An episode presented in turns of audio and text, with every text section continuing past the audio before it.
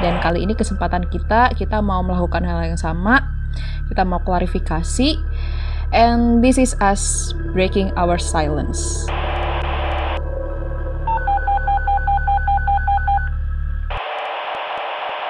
Hi. Hey, Now you're on Spotlights.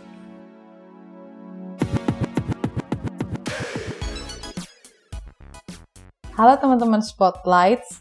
Hari ini aku dan Sasya ingin membahas mengenai episode Spotlights yang sebelumnya.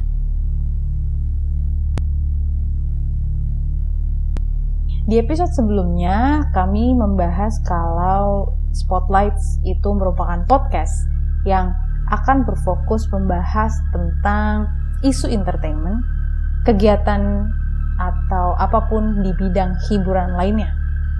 Nah, berhubung zaman sekarang sedang banyaknya klarifikasi video-video uh, speak up tentang suatu isu pribadi hari ini Spotlight ingin melakukan hal yang sama. Sebagai pendatang baru di dunia hiburan, di dunia entertainment ini, kita berkaca pada salah satu beauty vlogger ya, yang bernama Tati Westbrook. Dengan videonya yang berjudul Breaking My Silence. Dan kali ini kesempatan kita, kita mau melakukan hal yang sama. Kita mau klarifikasi. And this is us breaking our silence.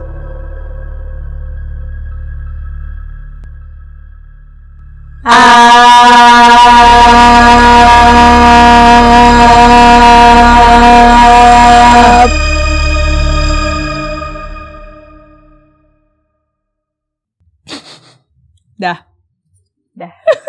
Oh ya, yeah.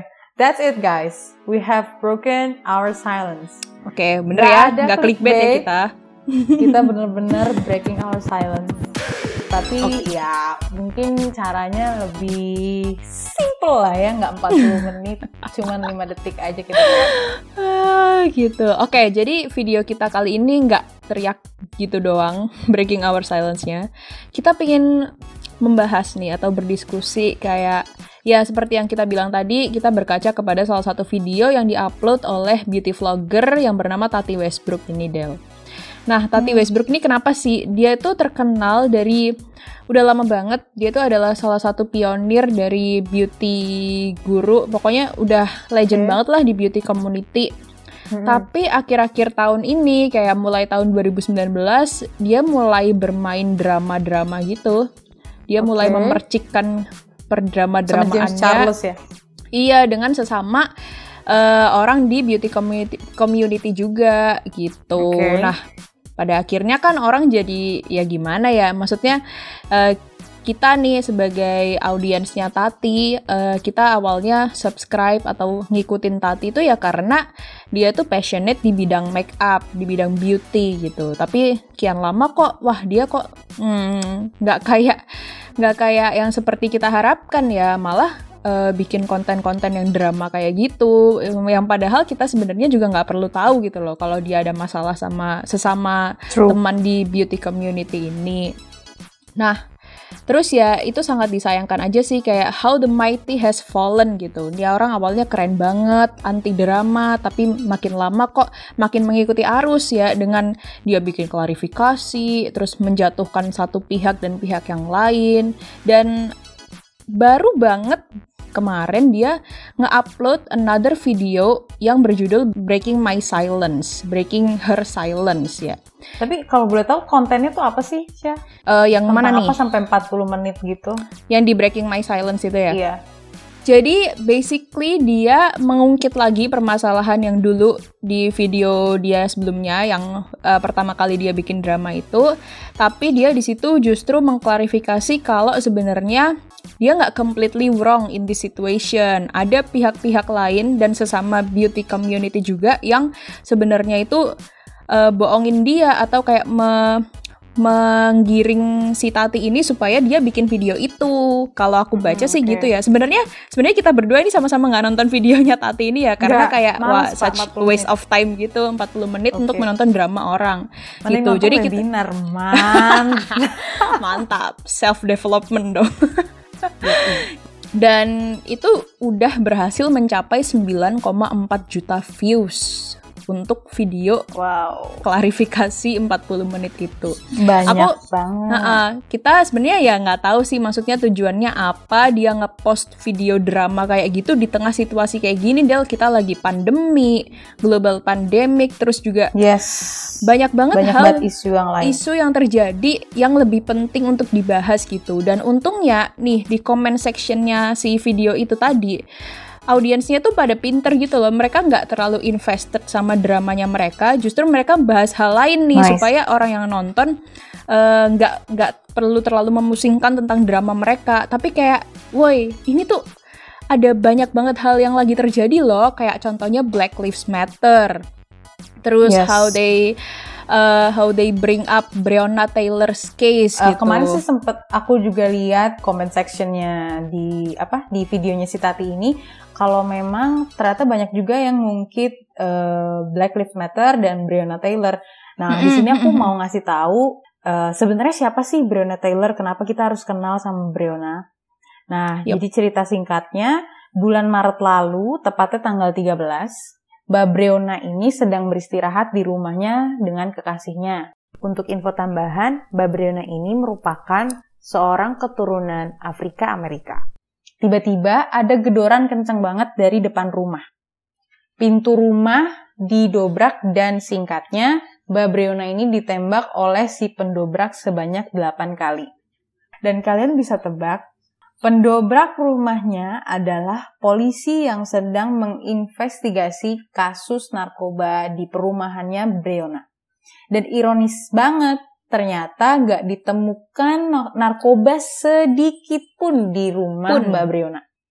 Kekasihnya Mbak Briona masih hidup dan dia bersaksi mm -hmm. kalau nggak ada sama sekali announcement dari si penggerebek rumah kalau mereka itu polisi. Kayak biasanya kalau digedor-gedor gitu loh, duk duk duk duk duk, woi gue polisi, gue mau masuk, buka gitu kan biasanya. Tapi ini sama mm -hmm. sekali nggak ada. Ketika mereka yeah. ketika mereka apa nanya, woi itu siapa di depan gitu nggak ada jawaban sama sekali sehingga mereka tuh panik dan sampai sampai mereka tuh nelpon 911 karena ya takut hmm. kalau misalkan ada apa-apa. Nah, yep.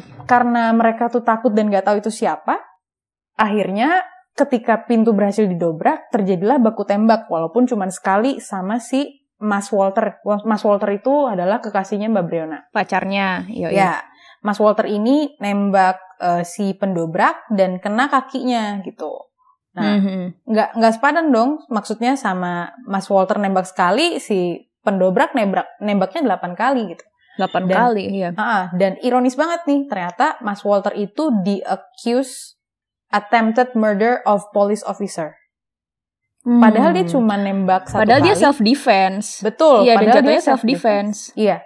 Hmm. Nah, untungnya charge tersebut dibatalkan. Cuman yang nggak adil nggak sih? Maksudnya ketika uh, orang menembak atas self defense tapi kok di accuse sampai uh, attempted murder ketika polisinya bahkan nggak mengidentifikasi mereka diri mereka sebagai yeah. polisi gitu.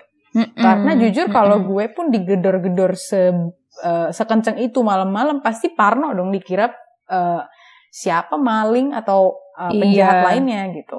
Iya. Yeah, nah, yeah. berdasarkan kesaksian orang-orang terdekat Mbak Breona ini, Brenda merupakan orang yang baik. Dia itu punya hmm. plan uh, untuk jadi suster, bahkan untuk mengabdi di bidang healthcare. Baru uh, baru start a new family. Maksudnya it's a decent goal gitu for a decent person, ya kan? Iya. iya. Jadi mm-hmm. kayak uh, it's so cruel for them to take away innocent people's dream just like that, right? Mm-hmm. Jadi ini ini cuma salah satu kasus rasisme yang terjadi di dunia di Amerika Serikat tepatnya. Mungkin ada ya. ratusan ya. lagi, ribuan, rat, jutaan ribuan. bahkan mm-hmm. yang terjadi tapi kita nggak tahu dan gak hanya di iya. Amerika yeah. tapi di negeri sendiri juga. Iya, mungkin, uh, kayak mungkin, bahkan nggak usah jauh-jauh lihat kasusnya Breonna Taylor ya. Di dalam negeri kita pun, eh di dalam negeri, di dalam negara kita pun juga sebenarnya terjadi apa yang bisa dikatakan sebagai rasisme atau diskriminasi. Ya contohnya kayak Papua yang tahun kemarin kan sempet tuh Del ada aktivis-aktivis mahasiswa yang menyuarakan kayak uh, mereka tuh sebenarnya cuma pingin dianggap setara kok. Papuan Lives Matter gitu Yes. Tapi justru mereka yang disalahkan karena itu, karena melakukan unjuk rasa itu dan bahkan sampai mau dituntut uh, 10 tahun penjara. Yeah. Mm, dan ya itu ironis aja sih kayak sebenarnya kan kita juga di sini hidup sama-sama manusia ya ya kita nggak hmm. perlu lah yang namanya memandang rendah satu sama lain gitu Betul. regardless our color our race our gender atau apa pun lah itu ya jadi mungkin pesan terakhirnya uh, kita kita berdua cuma pengen nyampein uh, we need to keep our eyes open guys to every issues that happens around us. Always be kind to whoever it is, regardless of their color and where they're from. And let's put aside issues that tries to distract you from the real problem. Kayak ya tadi isu-isu personal yang well uh, dalam waktu 40 menit kalian bisa ikut webinar atau uh, melakukan pengembangan diri gitu instead of listening to other people's problem yang menurut mereka personal dan sebenarnya nggak perlu banget gitu buat kita involve lebih di situ tapi dan mm-hmm. dan kita bisa lebih invest ke aktivitas aktivitas lain yang lebih relate ke isu-isu yang real zaman sekarang ya sustainability issue, racism, terus apalagi mm -hmm. sih sekarang corona corona pandemi iya. Pandemi. dan sebenarnya ya yang bisa kita pelajari ya dari dramanya beauty community ini eh, kita kan juga sebagai pendatang baru nih Del. Maksudnya kita juga orang awam lah di dunia industri hiburan ini. Dan mungkin um, kita perlu lebih hati-hati kali ya. Kayak kita harus harus punya prinsip yang teguh dulu nih. Apa sih tujuan kita bikin konten, terus um, membrandingkan diri kita sebagai apa gitu kan. Karena ya tadi kayak si Tati ini, dia tuh udah brandingnya adalah seorang beauty guru, di mana dia dipercaya untuk mendeliver konten-konten yang berkaitan dengan itu. Tapi justru dia menyalahgunakan popularity-nya, fame-nya dia dengan hal yang nggak nggak perlu lah orang-orang tuh tahu gitu dan dia juga timingnya salah di saat dunia ini sedang banyak sekali hal yang lebih penting gitu. Betul, Jadi ya Mm-mm, sebagai sebagai orang penikmat industri hiburan pun juga kita harus ini ya ya it's okay to to seek entertainment it's okay karena emang seru juga kan kita uh, beralih ke hiburan sementara gitu ya tapi kita nggak perlu nggak nggak boleh tutup mata dengan apa yang sedang terjadi saat ini gitu. betul sekali Gitu deh teman-teman. Ya mungkin uh, episode kali ini kita selesaikan uh, di situ saja. Don't forget guys, Black Lives Matter. Black Lives Matter. Dan kita juga masih akan membuat konten-konten yang lain lagi. Semoga bisa terus menghibur kalian dan dan apa ya? Dan sampai jumpa. Thank you Thank for you. listening. Bye bye. Bye bye.